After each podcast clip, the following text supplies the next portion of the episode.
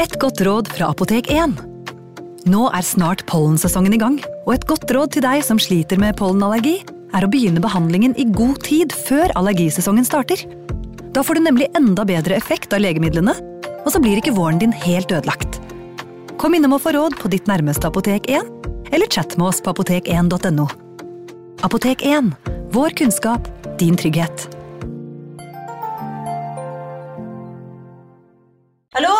Jeg kommer fra Oslo politikammer.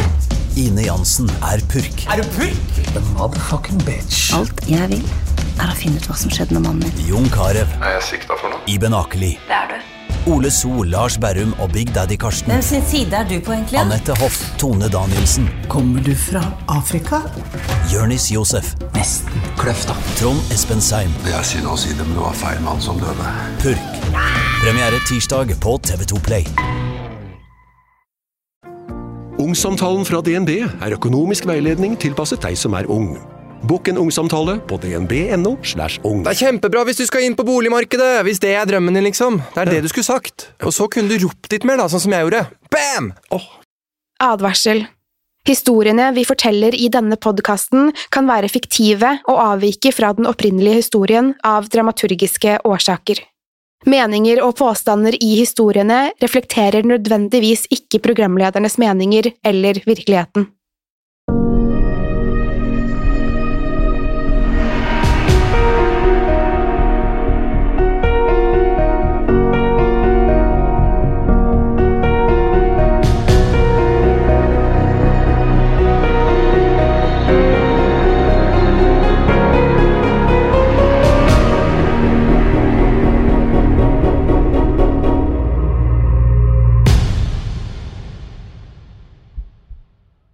Forrige episode snakket vi om hekseprosessen i Salem. Dette var en av de mest kjente og veldokumenterte tilfellene i verdenshistorien av hekseforfølgelse. Samtidig eksisterer det utallige historier om hekser fra hele verden. I dagens episode skal vi fortelle litt mer om noen av disse heksene. I Norge skal så mange som 300 mennesker ha blitt dømt og henrettet for hekseri. Også her var kvinner overrepresenterte. Av disse 300 var det kun 50 menn. En av de mest kjente tilfellene var henrettelsen av Anne Pedersdotter. Det er i dag få kjente detaljer om Anne Pedersdotters tidligere liv. Det vi vet, er at hun ble født i Trondheim rundt år 1530. I 1552 giftet hun seg med Absolom Pedersson Beyer, som livnærte seg som prest, lærer og forfatter. Disse etablerte seg i Bergen, der de nøt høy sosial anseelse. Sammen fikk Anne og Absolom åtte barn, der tre av disse levde til voksen alder. Etter hvert begynte det å spre seg rykter om at Anne drev med trolldom. Anne ble ved flere anledninger mistenkt for å ha brukt heksekunst for å ta livet av andre mennesker. Da Tollikien Heinrichs datter lå for døden, anklaget hun Anne for å stå bak sykdommen hennes. Sykdommen hennes hadde forundret legene, som ikke så på symptomene som naturlige. Dette var mens Tollekjen lå på dødsleiet at hun selv pekte ut Anne Pedersdotter som den ansvarlige. At disse uttalelsene kom fra dødsleiet, var med på å validere disse anklagene i manges øyne. Det ble nemlig vurdert at en person som snart ville stå overfor Gud, neppe ville lyve. Det var flere vitner til Tollekjens siste ord, og Tollekjens ektemann Adrian for Buxcott tok disse anklagene videre. Dette var ikke den eneste gangen Anne ble anklaget for å være heks. Ved en annen anledning ble det hevdet at Anne sto ansvarlig for å ha drept Gebbel Pedersen. Gebbel Pedersen var biskop i Bergen, en tittel som potensielt kunne arves av hennes ektemann. Anne ble til slutt frikjent for Gebbels død, men mistanken mot henne forsvant ikke av den grunn. Anklagene forsvant ikke, og Anne ble stadig sett på som ansvarlig for en rekke dødsfall og ulykker i samfunnet. Dette inkluderte tilfeller av sykdom, men også en hendelse der en mann drepte et barn. I dette tilfellet ble det hevdet at Anne hadde forhekset en nabo. Denne forhekselsen hadde gjort naboen gal og ledet ham til å ta livet av en fire år gammel gutt. Det var totalt 48 mennesker som til slutt vitnet mot Anne Persdotter. Mange av disse hadde vært venner og naboer av henne. Blant vitnene var også hennes tjenestepike Elina. Elina kom med noen av de mest overdrevne og usannsynlige anklagene av alle. Hun hevdet at Anne hadde brakt henne med seg til heksesabbater der Anne hadde ridd på henne, også mens de fløy gjennom lufta. Elina fortalte at heksene hadde samles under disse sabbatene og hadde her planlagt hva slags ond magi de skulle utsette Bergen for. Under rettssaken mot Anne var det også vitner som hevdet å ha observert henne med demoner. Det var noen få mennesker som forsøkte å forsvare Anne, men det var ikke nok til å redde henne. Anne forsvarte seg som best hun kunne, men ble til slutt dømt til døden. Den 7. april 1590 ble Anne Persdotter brent levende på bålet. Hun fortsatte å hevde sin uskyld helt til slutten. Sverige hadde også en rekke heksehenrettelser. Det siste og mest kjente tilfellet her var finsk-svenske Malin Matsdotter. Det er få kjente detaljer om Malins liv, utover detaljene som kom frem i rettssaken mot henne. Det er uvisst hva hun levde av, men det antas at hun i en periode arbeidet som jordmor. Hun ble ofte omtalt med tilnavnet Rumpare Malin. Det er omstridt akkurat hva rumpare betyr, men det antas å være en nedsettende betegnelse på en mindre intelligent person. Det som er sikkert, er at hun ble anklaget for hekseri av sin egen datter. Hun ble brent på bålet i august 1676 og er en av få dokumenterte tilfeller av dette i Sverige. Malin Matsdotter giftet seg med Erik Nilsson, og de fikk to barn, Anna og Marie Eriksdotter. Erik var etter alt å dømme ingen god mann. Han skal ha vært voldelig mot deres to døtre, og tvang også Malin til å slå dem. Døtrene skal ha blitt så dårlig behandlet at de på et tidspunkt forsøkte å rømme hjemmefra. Etter å ha blitt tvunget til å returnere hjem, bestemte Anna seg for at hun hadde fått nok, og fortalte om farens mørke hemmelighet. Anna fortalte at hun gjentatte ganger hadde tatt faren sin på fersken mens han tilfredsstilte seg selv i lag med en ku. Hun brakte med seg denne informasjonen til myndighetene, som så på dette som svært alvorlig. Erik Nilsson ble dømt til døden for sine ugjerninger. Malin Matsdotter giftet seg på nytt med en mann ved navn Anders Arendsson. Heller ikke dette ekteskapet bød på trygge omgivelser for døtrene hennes. Malin og Anders kranglet jevnlig og høylytt. Det tok ikke lang tid før døtrene fikk nok og forlot hjemmet for godt. Malin ble anklaget for hekseri i juli 1676. Det var hennes egen datter, Maria, som sto bak anklagene. Maria fortalte at moren hadde brakt henne med seg til heksesabbater på Blåkulla. Blåkulla var et sted som skulle ha spesiell betydning for hekser, der det ble sagt at de utførte ulike ritualer og møtte djevelen. Det ble ofte fortalt at heksene fløy hit på sopelimer, på dyr eller i noen tilfeller på mennesker. En vanlig anklage var at heksene kidnappet og brakte med seg barn til disse samlingene. I Norge blir ofte Bloksberg omtalt som et tilsvarende samlingssted for hekser. Marias anklager ble støttet av to andre barn, som begge vitnet om at Malin hadde brakt dem med seg til Blåkula. Maria beskrev også at hun så en djevelskikkelse i rettssalen, som sto ved siden av moren hennes.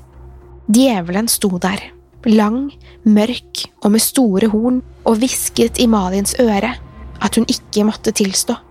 Malin ble deretter beordret til å gå ned på kne og tilstå sine synder. Da hun lystret, fortalte Maria at djevelen forsvant fra rommet. Malin ble også anklaget for å ha kidnappet andre barn og for å ha fortsatt å plage og torturere disse fra fengsel. Det ble beskrevet at disse barna opplevde anfall som de antok var konsekvenser av Marias trolldom. Malins andre datter, Anna, bekreftet også søsterens anklager. Anna innrømmet riktignok at også hun hadde bortført barn og brakt dem med seg til Blåkulla. Denne innrømmelsen ledet til at Anna selv ble arrestert. Maria ble på et tidspunkt spurt om hun anklaget moren for hekseri i håp om å arve huset hennes. Hun nektet for dette, og dette mulige motivet ble raskt forkastet av retten. Malin ble spurt om å gjengi trosbekjennelsen. Dette var en vanlig forespørsel under rettssaker mot hekser og ble ofte brukt som grunnlag for å dømme eller frigi dem. Malin, som opprinnelig snakket finsk, slet med å lese svensk, og hadde heller aldri pugget denne bønnen. Malins svenskkunnskaper skal ha vært såpass svake at hun også slet med å repetere linjene da de ble lest opp for henne. Kanskje var det tanken på hva hun sto ovenfor som påvirket henne, men Malin skal ha hatt problemer med å gjenta enkeltord fra trosbekjennelsen. Denne vanskeligheten med å i det hele tatt uttale disse ordene ble sett på som svært mistenkelig, og var for mange med på å bekrefte anklagene mot henne. Dette var nok til å overbevise retten om at Malin Matsdotter var en heks.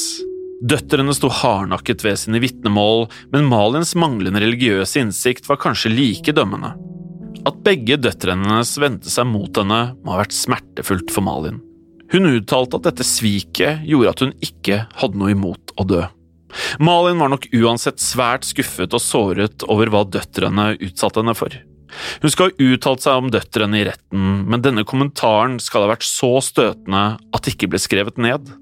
Malin fortsatte å nekte for anklagene, men dette var paradoksalt nok med på å forsterke troen på at hun var en heks. Mange så på det som nok et bevis for at man var alliert med djevelen dersom man nektet å innrømme sin skyld.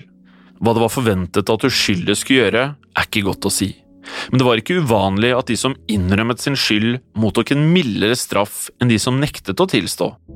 Malin ble dømt til døden og sto overfor tre mulige henrettelsesmetoder. Den første var halshugging, etterfulgt av at liket ble brent på et bål. Den andre var tilsvarende metode som involverte tortur før henrettelsen. Den tredje var å bli brent levende på bålet. Til slutt var det det siste alternativet som ble valgt, og Malin ble brent levende 16.07.1676. Denne metoden ble valgt for å sende et signal til offentligheten om hva som skjedde med hekser, samt det å gi Malin en forsmak på tilværelsen som ventet henne i helvete. For å gjøre Malins død noe raskere ble en pose med krutt bundet til ryggen hennes. Malin ble tilbudt en siste anledning til å tilstå. Dommen hadde allerede falt, men hennes tilståelse kunne potensielt spart henne fra å bli brent levende. Malin fortsatte å nekte, og ble derfor bundet levende til bålet. Til tross for den forferdelige skjebnen hun snart ville møte, ble Malin beskrevet som rolig og samlet. Hun nektet å ta Marias hånd, og gikk frivillig til sin egen henrettelse. Hun skal ha beholdt roen, også da bålet ble tent, og flammene begynte å fortære henne. Både datteren og presten ba henne tilstå sine synder, men Malin nektet fremdeles for alle anklagene. Malin skal ikke engang ha skreket, men fordømte datteren sin med sine siste krefter. Malin Matsdotter er det eneste dokumenterte tilfellet av denne typen henrettelse i Sverige.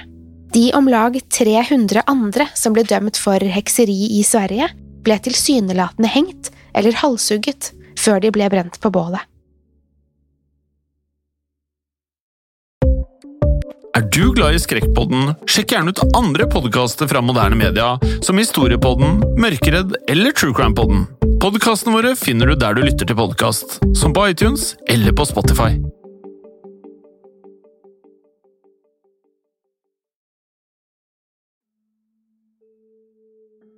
Historien om Bell-heksa tar oss tilbake til begynnelsen av 1800-tallet. Den skiller seg ut ved å være like mye en spøkelseshistorie som en fortelling om en heks. John Bell og familien hans flyttet til et område langs Red River i Tennessee, og over de neste årene vokser både tomten og familien. Etter flere gode år begynner det i 1817 å skje uforklarlige hendelser på Bell-gården. John Bell inspiserte maisåkrene sine da han fikk øye på en skapning som ikke lignet noe han hadde sett tidligere. Midt i åkeren satt en skikkelse som hadde en kropp som lignet en hund, med hodet til en kanin. John hevet geværet sitt og avfyrte et skudd mot det underlige dyret. Da dyret ikke reagerte, avfyrte han et skudd til, så enda et, uten at dette vekket noen reaksjon. John ladet om for å avfyre nok et skudd, men da han igjen tok sikte, var skapningen forsvunnet i løse luften. Han regnet med at skuddene til slutt hadde skremt dyret på sprang, og forsøkte å glemme den merkelige hendelsen. Den kvelden begynte John å høre lyder utenfor huset. Det hørtes ut som noen banket på veggene. men da John gikk for å sjekke, var det ingen utenfor. Igjen forsøkte John å glemme opplevelsen, men bankingen fortsatte gjennom natten. Bankingen holdt John våken. Han begynte å tro at det var barna som drev med narrestreker, men hver gang han gikk for å undersøke, var det ingen spor utenfor huset. Neste kveld begynte igjen å banke på veggene, kraftigere denne gangen. Nok en natt lå John Bell våken og lyttet til lyden, men heller ikke denne gangen så han noen utenfor. Natt etter natt fortsatte bankingen. Hver natt kraftigere og mer intense slag. Det var ikke bare John som holdt seg våken. Barna hans lå livredde i sengene sine og fortalte om rotter som gnagde på sengene deres. Barna begynte snart å klage over at de hørte hviskende stemmer som pratet til dem om natten. De klarte ikke å tyde hva stemmen forsøkte å kommunisere, men de beskrev det som stemmen til en gammel dame. Etter hvert ble denne stemmen kraftigere, og det begynte å høres ut som hun sang salmer. Etter hvert var det som om denne stemmen fikk mer styrke, og snart begynte barna å oppleve mer enn bare lyder. De fortalte at en usynlig kraft dro av dem dynene om natten og slengte putene deres rundt i rommet. Verst gikk det utover John Bells yngste datter, Betzy. Hun fortalte at hun flere ganger våknet av å bli dratt i håret eller klasket på kinnet. Dette var mer enn bare barnefantasi. Betzy våknet flere ganger med røde merker i ansiktet. Til slutt innså John Bell at dette måtte være mer enn rampestreker, og han ba til slutt om hjelp fra naboen sin James Johnston. James og kona hans tilbrakte en natt i Bells hjem. Antageligvis hadde John Bell håpet at de ikke ville oppleve noe utenom det vanlige, men isteden ble alle hans frykter bekreftet. James Johnson våknet midt på natten av at dyna hans ble trukket av ham, for å så bli angrepet av gjentatte klaps mot kinnet. James reiste seg og forsøkte å få oversikt over hva som foregikk, men da han så rundt seg, var det ingen å spore. Stadig virket den usynlige ånden å samle mer styrke. Snart var det mulig å tyde hva stemmen forsøkte å fortelle. Den fortsatte å synge salmer, siterte bibeltekster, og etter hvert kunne stemmen gjengi hele prekener som ble holdt i den lokale kirken. Ordet om de ubegripelige hendelsene spredde seg raskt, og tiltrakk seg snart interessen til den fremtidige presidenten, general Andrew Jackson. John Bells sønn hadde kjempet under Andrew Jackson og bestemte seg for at han ønsket å se med egne øyne hva alt oppstyret handlet om.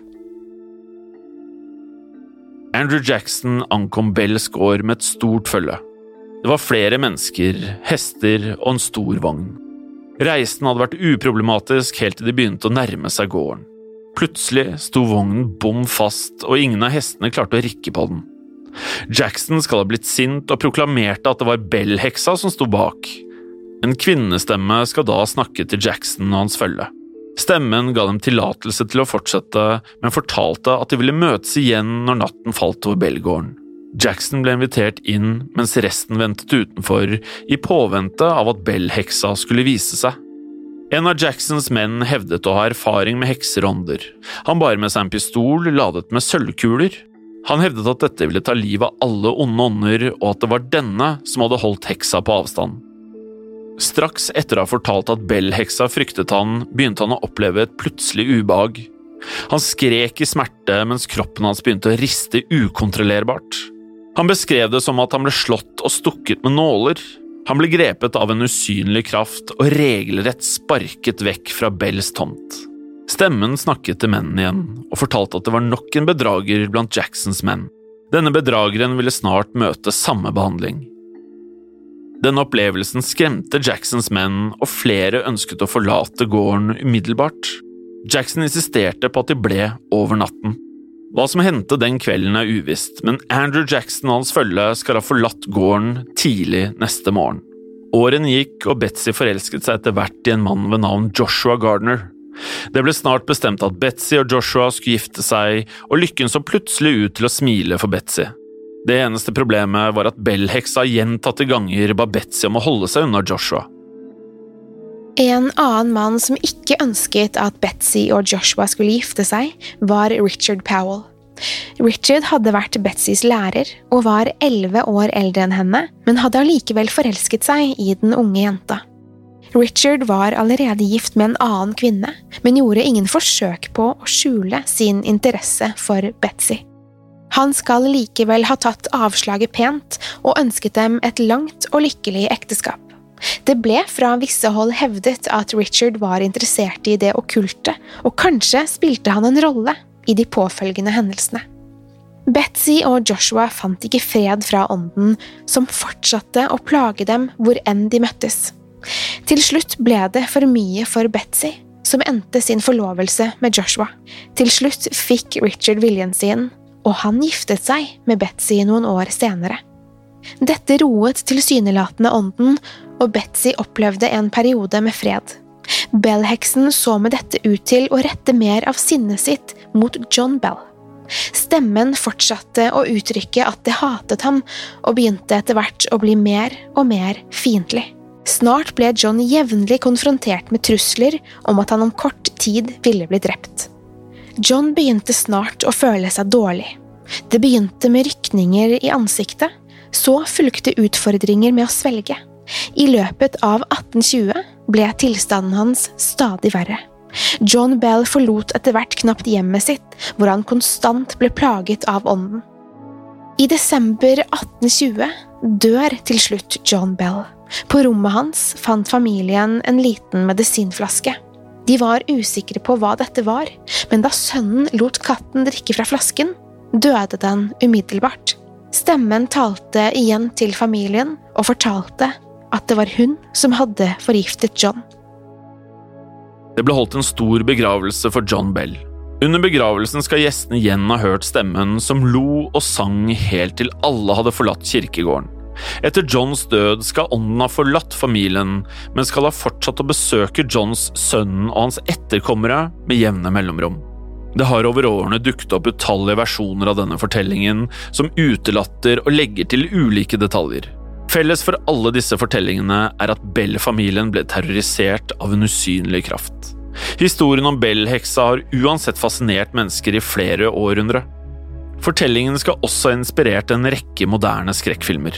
Filmer så forskjellige som Poltergeist, The Amityville Horror, The Witch og ikke minst The Blair Witch Project, som alle tar elementer fra Bell-heksa. En annen fortelling som skal ha inspirert The Blair Witch Project, er fortellingen om Moll Dyer.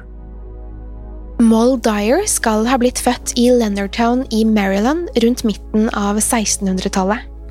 Historien sier at Moll levde delvis isolert, i utkanten av samfunnet. Hvem hun var og hvor hun kom fra er ukjent og en del av mysteriet rundt Moll Dyer. Denne mystikken ledet til mange ulike hypoteser om hennes bakgrunn. Noen hevdet at hun var en irsk adelskvinne, mens andre mente hun hadde tatt livet av ektemannen sin eller rømt fra noe annet mørkt i fortiden sin. Moll skal ha blitt sett på som underlig av resten av befolkningen. I tillegg til å bo for seg selv i en liten hytte, skal hun også ha laget ulike miksturer av urter og planter. Moll skal også ha vært uvanlig høy, noe som også var med på å skille henne ut i mengden. Da de opplevde en uvanlig kald vinter med dårlige avlinger, ble Moll Dyer uansett en naturlig syndebukk. Snart gikk dette fra løse rykter til konkrete anklager mot Moll. Etter hvert ble samtlige innbyggere overbevist om at Moll var skyld i det kalde været. Snart bestemte de seg for at de var nødt til å drepe henne dersom de noen gang skulle snu lykken. Både hat og frykt spredte seg raskt i den lille byen. Moll Dyer var etter alt å dømme bare en eldre dame som ønsket å leve i fred og ro, men i løpet av kort tid hadde hele byen vendt seg mot henne. En sint mobb stormer til Molls hytte på det som var en spesielt kald vinternatt. I motsetning til andre hekseprosesser ble ikke Moll Dyer stilt foran noen jury. Innbyggerne hadde ingen intensjon om å snakke med Moll. De var der for å drepe henne. Med tente fakler ankom de Molls hytte, mens de i kor ropte Brenn heksa! Det tok ikke lang tid før Molls hytte sto i brann. Tilropene fortsatte, mens de andre innbyggerne virket å glede seg over at Moll Dyer snart ville brenne i hjel. Mens de ropte og sang, klarte Moll å snike seg ut av den brennende hytta og rømte inn i skogen. Moll Dyer kom seg unna infernoet, men ville ikke klare seg lenge i det iskalde været.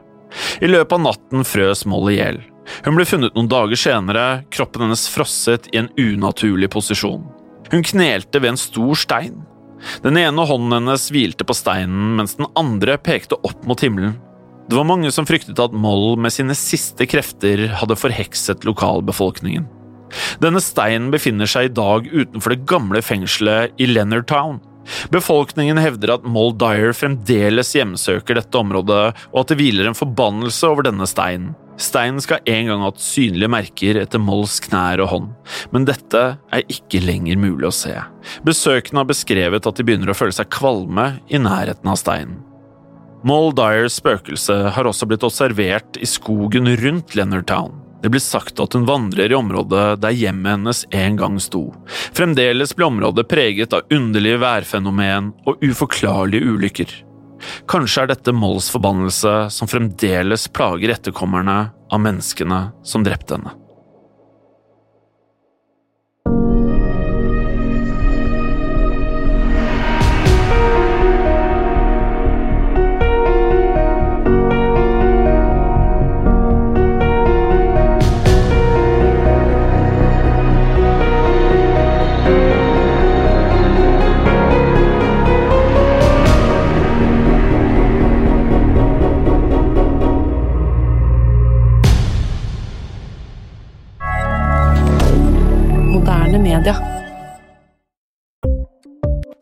Ukens annonsør er Folio, en smartere banktjeneste for deg som har en egen bedrift eller ønsker å starte for deg selv.